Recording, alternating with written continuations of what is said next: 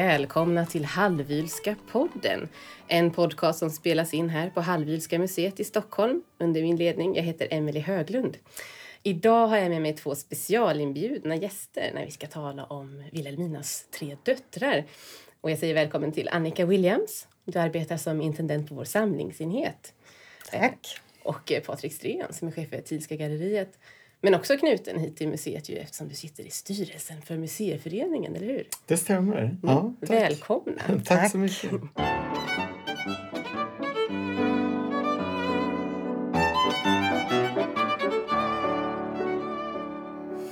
Jo, vi har ju samlats här idag lite grann med anledning av att vi precis har gjort en djupdykning i Wilhelminas tre döttrar och deras liv och verk som gestaltas i en ny bok som heter Systrarna von Hallwyl.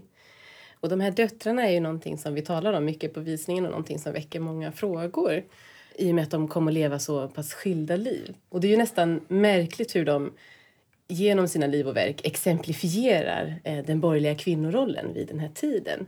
Där vi har Irma som är den högst konventionella. Vi har Ebba som är den politiskt aktiva och konstnären Ellen som offrar allt för kärleken så att säga.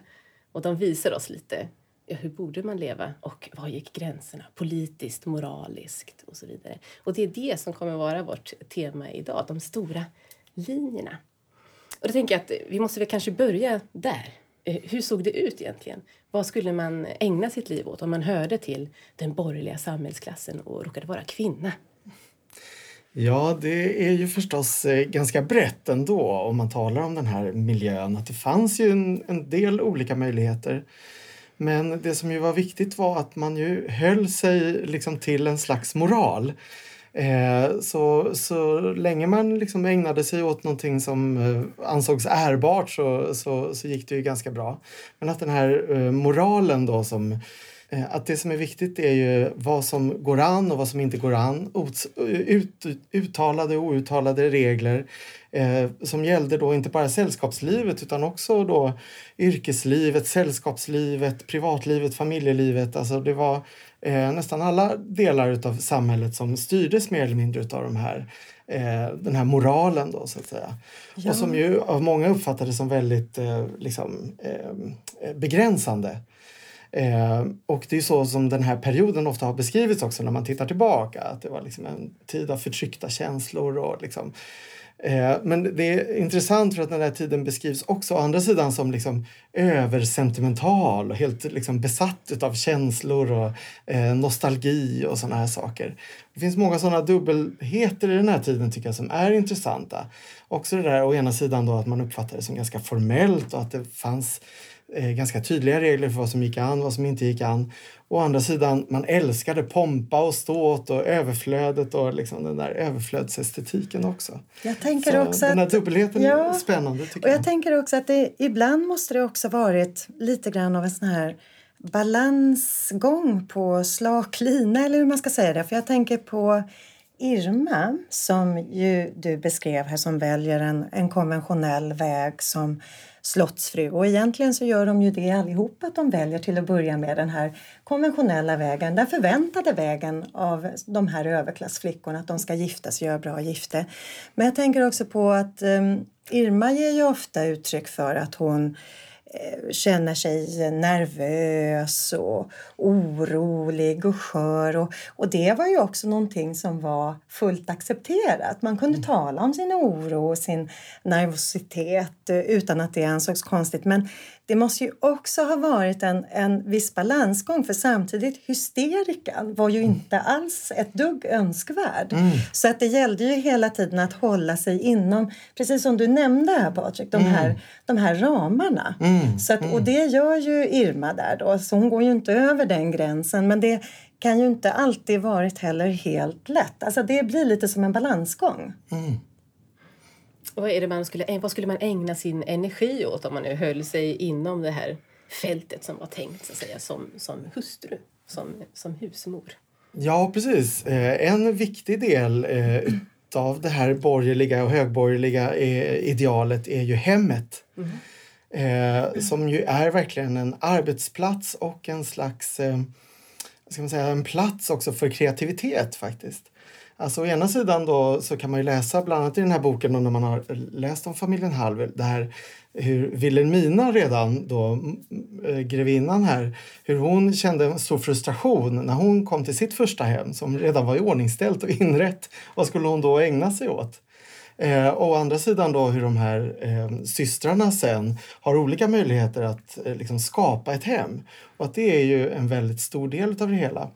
Eh, och där handlar det också då om att eh, upprätta det här hemmet på en viss nivå. Det här är också en del av moralen, så att säga, en del av att upprätthålla sin status. Eh, att det ska vara inrett på rätt sätt och enligt rätt smak och enligt vissa mönster och, ideal så att säga. Och sen så handlar det då om vad man gör i det där hemmet. Hur använder man det här hemmet? Vilka bjuder man in? Vad har man för sällskapsliv? Vad har man för societetsliv? Och vad ägnar man sig åt där? Vad diskuteras där? Om man tittar på de här döttrarna då, Ebba till exempel, eh, den äldsta, som var så eh, väldigt engagerad både i politik och eh, Sveriges försvar. Här kunde man liksom bjuda in rätt personer och lobba för olika frågor. Och, eh, jag tror att det var väldigt strategiska arenor till stor del. Ehm, eh, Ellen då som den här konstnärssjälen som ju eh, kan lansera sin konst hon skapar ett konstnärshem där hela hennes hem är fyllt av hennes konst och formgivning på olika sätt. Här kan hon lansera för sina gäster. Liksom. Det är det bästa skyltfönstret man kan tänka sig. Eh, och så Irma då som ju eh, också väljer eh, eh det kungliga, den kungliga karriären. så att säga. Mm. Det ska man också komma ihåg att eh, hovlivet var en karriärsväg eh, vid den här tiden.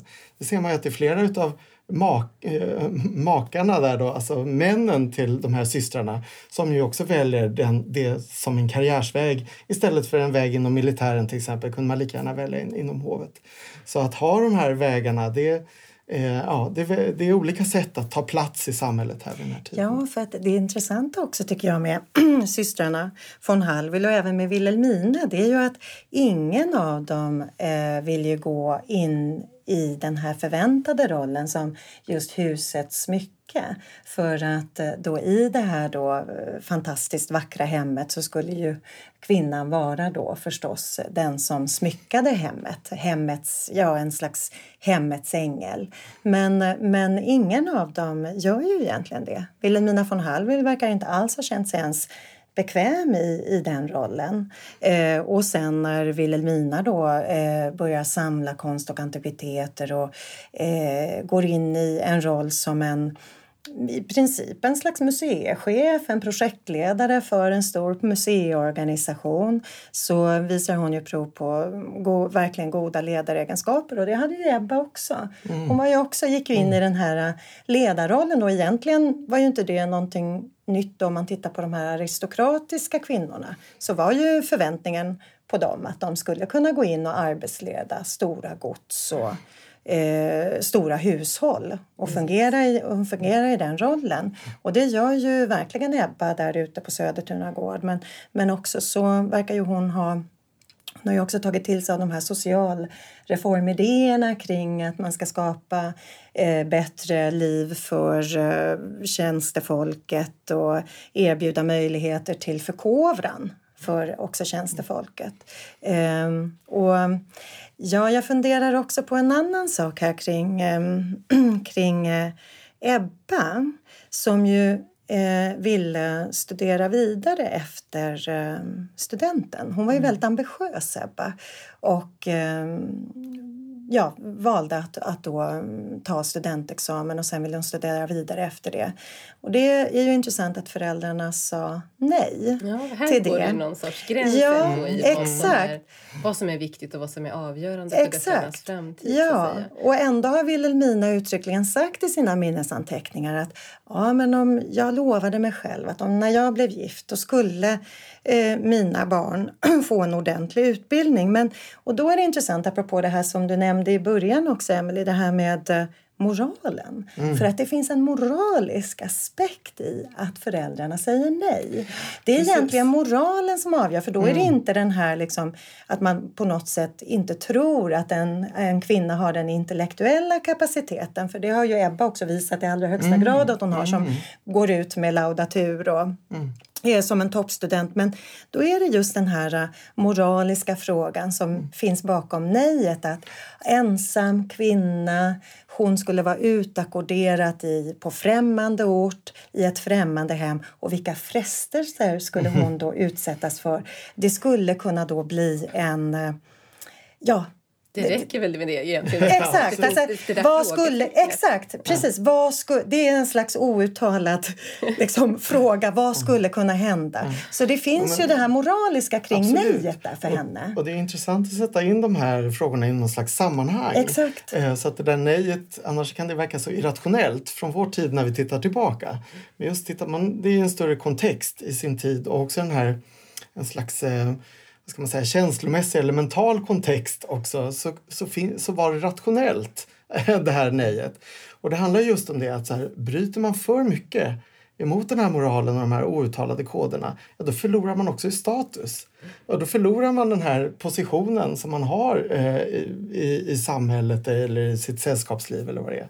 Så att, att följa de här reglerna, det var inte bara något man gjorde för sakens egen skull utan det var för att det också gav en fördelar. Det gav en, liksom en plattform och det liksom bekräftade vem man var och den positionen man hade.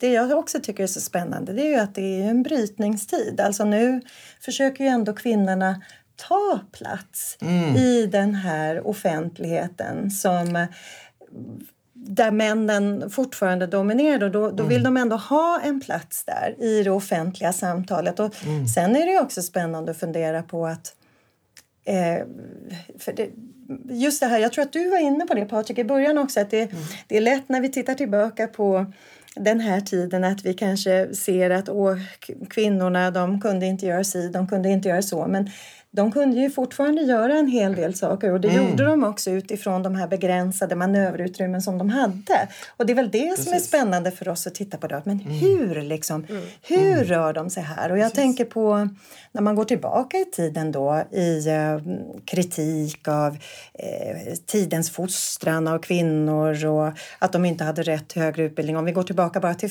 sekelskiftet dessförinnan, sekelskiftet 1800. Mm. Och jag tänker på Mary Wollstonecraft i, i eh, Storbritannien då, eller i England som ju också kritiserar eh, tidens fostran av kvinnor. Mm. Eh, men att hon skulle inte kunna ha föreställt sig att, det, att kvinnor kunde gå samman i en kvinnorörelse. Mm, mm. Och nu när vi är i den här tiden då i slutet av 1800-talet så är det faktiskt det som kvinnor gör. De går ju samman mm. i, i en kvinnorörelse. Mm. Och där är ju då, ja Ebba är ju faktiskt då eh, delaktig i den. Även om hon inte, hon är ju inte någon som står på barrikaderna. Mm. Men hon verkar inne i systemet.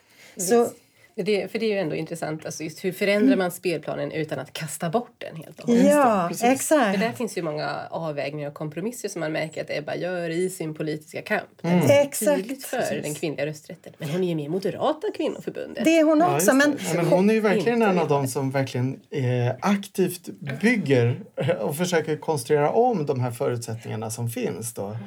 Dels är hon ju, om man börjar från det lilla sammanhanget med hemmet och familjen, så hon är ju faktiskt aktiv med och bygger upp sitt eget hem med olika arkitektoniska idéer. Och sen det här som sagt, vad upplåter man sitt hem till? Ja, bildning och arbetarbostäder och så här. Det är liksom, eh, och sen då detta med eh, kvinnorörelsen där hon ju verkligen är en mm. motor måste man mm. säga.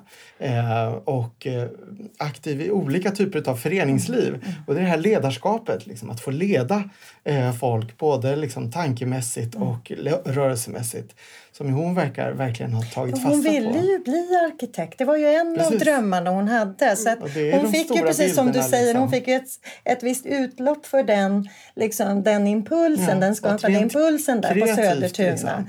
Men, men hon kunde inte erhålla det på en rent formell väg då. Mm, men det mm. verkar, och jag tänker också att det verkar på något sätt med henne som att hon ja, det här då att hon påverkar inifrån systemet och att hon vill både vara den här då det ska vara en samhällsbevarande kraft men det ska också vara förändring och reformer som kvinnlig rösträtt till exempel. Men att hon inte verkar ha trott på konfrontation Mm, utan, Att, utan att bara då enträget övertyga motståndarna om fördelarna med den kvinnliga rösträtten. Men också det här är ju en tid där det är mycket rörelser. Det är stora politiska rörelser med arbetarfrågorna, med internationalisering, nationella frågor, eh, även eh, alltså, eh, kommersialisering gentemot förstatligande av företag. Alltså det är otroligt många processer som pågår här. Man börjar eh, liksom eh, ja, diskutera kungamakten och såna här saker. Så att det är också en del av det. det är, eh, att kvinnofrågorna är en av många av de här frågorna. Det är därför Exakt. som Ebba inte bara är ett stycke kvinnohistoria Nej. utan det är sekelskifteshistoria.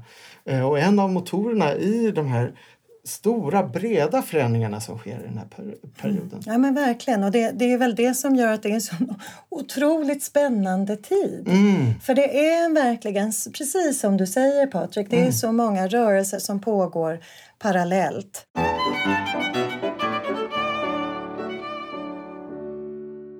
Apropå Ebba som är både det här för reformer men också då vill vara den här samhällsbevarande kraften. Och, och apropå då moralfrågor, för att när hennes syster då, Ellen, eh, vill skilja sig så är ju faktiskt Ebba den som inte stöttar sin syster i skilsmässan. Utan Ebba då, hon, hon hänvisar ju just då till en moralisk aspekt. Och hon säger att hon kan inte stötta Ellen i skilsmässan på grund av etiska skäl. För hon tycker att nu har man lovat att man går in i ett äktenskap så ska man liksom förbli i det. Hur kan man överge eh, sin man, sin son? Och hon säger faktiskt också eh, hur kan Ellen överge sin sociala status? Och hon säger som, ge, som frånskild kvinna kommer hon alltid ha en fläck på sig. Precis, så det finns ju också en viss omsorg i det där. Exakt. Att, här, att, Och det är också någonstans in, in, ligger inne i det där moralen här i sekelskiftet 1900. Att, så här, om inte du på egen maskin lyckas upprätthålla det där, ja, men då kan jag hjälpa dig lite. Liksom. Ja, då kan jag hjälpa dig att styra dig in på rätt Ja, spår igen så här, ja. om man kommer fel. Så det är också den här liksom, bevakande, eller liksom, ja, det finns Ja. en social kontroll också. En kontroll Absolut. eh, Och, och det blir ju väldigt tydligt där. För Mm. att eh, i, för Ellen hon säger ju ja men det börjar ju bli vanligare med skilsmässor nu och Mm. i progressiva k- kretsar var det säkert det. Men just hos Hallwils förstår man ju.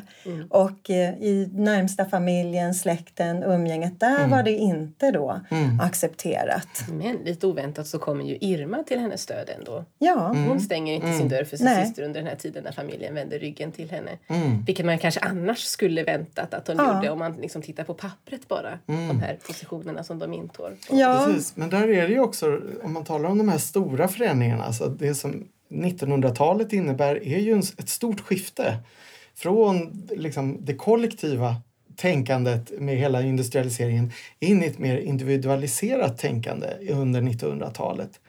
Eh, och där liksom individens frigörelse och individens liksom, eh, bekräftelse blir så mycket mer viktig. Att man måste uppfylla sitt eget mål och sin egen väg så att säga. Och där är ju Ellen då en slags förgrundsgestalt i sin tid. Liksom.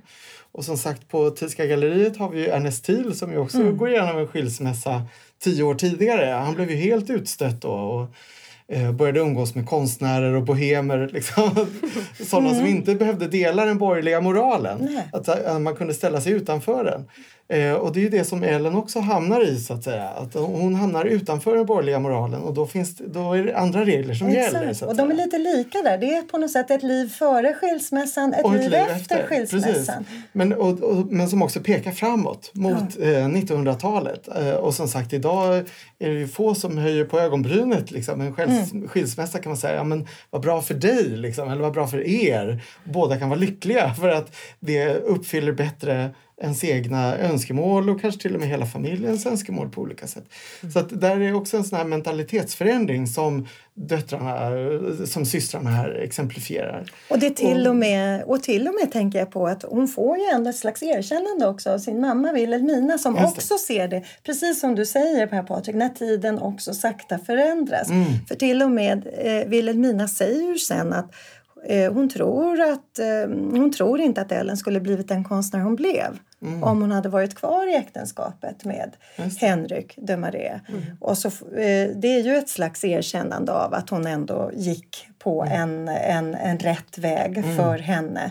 För där kunde hon få den här möjligheten till att utvecklas som konstnär mm. i då, eh, det, livet efter skilsmässan. Men där tänker jag också lite på Irma då som vi talar om att, att hon har den här förståelsen, en slags empati där. Eh, och hennes eh, liksom, hemvist i den här kristna rörelsen, det här Christian mm. Science, då, kristen vetenskap, alltså där man kanske odlar en viss sorts empati också. Jag vet inte riktigt, men i alla fall, jag menar hela 1900-talet vi är så vana vid att se att det är industrialiseringen och det är den historien som gäller. Men det är också eh, minst lika viktigt och inte minst inom konstarterna eh, den andliga utvecklingen och det andliga utforskandet är ju liksom en, har man ju mer och mer kommit fram till att det är en oundgänglig komponent av det moderna samhället helt enkelt. De är ganska mm. lika där också. Att de alla är på något sätt väldigt inne i andliga frågor. Irma med sökande, sin? Christian Science, mm. precis. Och, och, Ellen med sin konst som ju verkligen använder sig ja, eh, av sin liksom, eh, religiositet. Ja. Eh, och Ebba som då också hade en väldigt stark, då, som hon uttrycker, gudstro som kanske då var mer konventionell. Men, och mm. det är också intressant det här med att man är ju aldrig vare sig det ena eller det andra som människa heller. Utan, mm, för då mm. om man tittar då på Irma som ju då till synes och där, som inledningsvis eh, som hon beskrevs valde den mest konventionella vägen. Och hon var ju faktiskt, hon och hennes man, de var ju Eh, motståndare till den kvinnliga rösträtten. Mm. Men hon stöttar då sin syster och det Ellen hade en fristad där nere på Vegaholms slott. Mm. Men, men också som Irma säger, hon säger i något brev någonstans att jag har ännu inte sjunkit så lågt att jag låter andras åsikter påverkar mig. Så att hon ger ju uttryck för en mm. viss själv, alltså också en självständighet. Mm, mm, det är ju, det är ju en mm. slags självständighetsyttring och jag tänker på det är också någonting som någonstans de ändå då har gemensamt för att eh, Ellen säger ju också någonstans då i ett brev till Johnny Rosvall att vad ska nu du göra med din självständiga mm. eh, kvinna? Alltså att hon är på väg att förändras och bli den här självständiga kvinnan. Och vad ska du nu göra med henne? Samtidigt också som hon säger att det är inte så konstigt att ni män får ett helt annat självförtroende och blir självständiga för att ni fostras till det. Mm. Och hon är inne på igen den här då gamla frågan mm. att mm. det är den här fostran av kvinnorna mm. mm. som då gör dem till någonting som de inte skulle behöva bli. Precis. Och Ebba har ju också den här mm. självständighetssträvan. Och Ellen har ju också gett uttryck för det att hon upplevde att hon gick från barnkammaren direkt in i äktenskapet. Så att säga, utan någon förberedelse och att hennes första man var mer som en far än en make. på något ja, sätt. Det var säkert mm. många kvinnor som skulle kunna känna igen sig i den mm. beskrivningen hon har sagt. Att mm. Jag hoppade direkt från barnkammaren rakt in i mm. äktenskapet. Um, Precis, men det ser man ju också hur utbildningen var upplagd också med, alltså man skapar ju de här eh, separata sfärerna Eh, Eh, i, eh, med att det liksom är uppdelat utbildningen för, för pojkar och för flickor. Och på det sättet skapar man de här stora skillnaderna. Sen ska de då plötsligt bakas ihop. Liksom. Eh, nej, utan man åt, upprätthåller ju det där. Hela 1800-talet är liksom besatt av eh, könsskillnad eh, på så många olika sätt. Liksom. Eh, och det kommer ju fram i alla delar egentligen. Um, men ehm, ja, och det, jag menar, det påverkar vårt samhälle än idag. Mm, det måste ha varit svårt för, för båda parter, tänker jag. Alltså både för männen och för kvinnorna. Mm. Att helt plötsligt befinna sig i äktenskapet då. Så ska mm. man leva upp till alla de här förväntningarna. Mm. Och det är mm. kanske då med en person som man inte heller har hunnit lära känna Nej. särskilt väl. Och helt olika inblick i vad livet innebär mm. egentligen.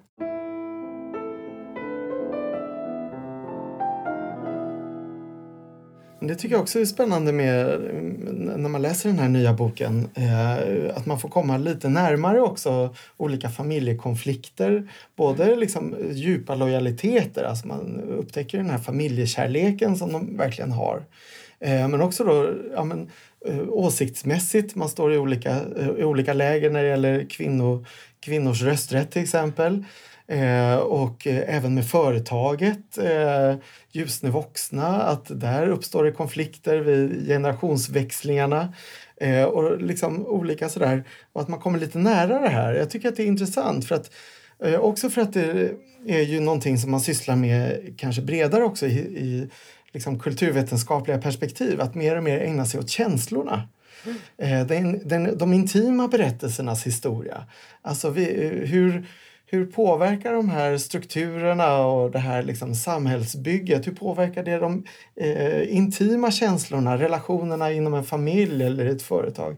Eh, så att, eh, det, är inte bara, det har inte bara ett skvallervärde eh, det här, även om det är mycket smaskigt och härligt att få liksom, ge sig mm. hän i. Men det säger någonting också om känslornas status och som sagt vilka känslor var tillgängliga i en viss klass och vilka var inte tillgängliga. Vilka skapade stor liksom, upprördhet och vilka gjorde inte det? Och vad fick det för konsekvenser? Mm. Vad fick det för, för konsekvenser att man hade en konflikt eller mm. ja, sådär. Jag tycker Nej, det, det, det, är verkligen spännande. Alltså den, på något sätt att den här lilla historien berättar också den stora. Och sen en sak som jag också har funderat över det är eh, att Ebbas politiska engagemang det är ju inte så omnämnt i just familjehistorien. Och då mm. tänker jag på att jag om man utgår från Wilhelmina von Hallwyls minnesanteckningar, årsanteckningar då, som hon skriver Wilhelmina nämner ju egentligen inte Ebbas politiska engagemang där. Mm. Och då, då börjar jag också fundera över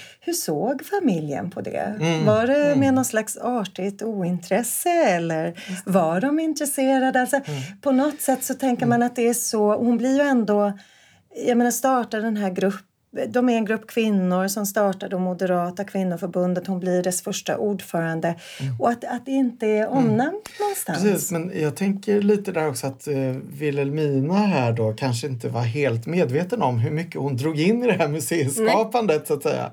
Eh, utan att när hon skapar det här så är det ju föremålen som är hennes liksom, totala fokus. Och, liksom, allt från huset till huset själv till tändstickor och toapapper. Liksom. Och kanske också hennes egen gärning. Jag tänker att Ebbas gärning är ju en separat historia kanske. Just det, och att, att hon egentligen då tar in hela familjen och familjehistorien det tror jag att hon var rätt omedveten om. Mm. Eh, men det är det som som sagt för oss idag öppnar upp det här liksom, ett slags eh, mellanfält där mellan det privata och det offentliga som är väldigt spännande.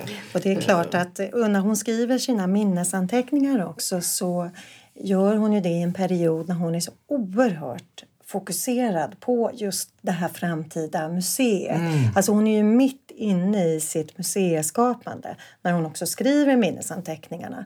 Så mm. det kan ju också Precis. självklart mm. Eh, spe, spela in. Men man blir nyfiken. Absolut. Det känns som att det finns en massa luckor som man skulle vilja hitta de här fantastiska källorna som bara ja. ja precis, som, ja. Kan, som kan svara på många frågor Men det är som det dyker som är, Det är det som är roligt också med att döttrarna är så pass närvarande ändå i museet idag. Både med sina porträtt och jag vet ju också under visningar och sådär att de är närvarande. Just för att de bidrar ju till att ge mer personlighet personlighet, mer kropp och mer närvaro till salarna liksom, och till föremålen. Eh, och också att man ändå Ja, men precis det här vi pratar om, man börjar känna igen vår egen tid.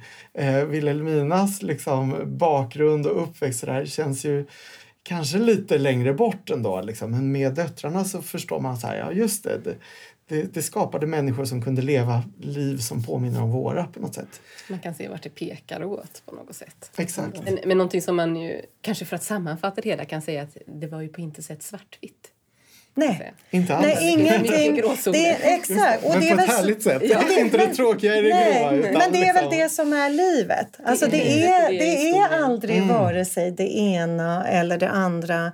Utan det finns liksom många schatteringar helt enkelt. Och det är väl det Precis. som det visar med dem också. Eller hur? Också det där att, jag menar, eh, det fanns begränsningar i den tiden som man levde med och som man hittade kreativa vägar runt och att arbeta med och, och mot och så vidare.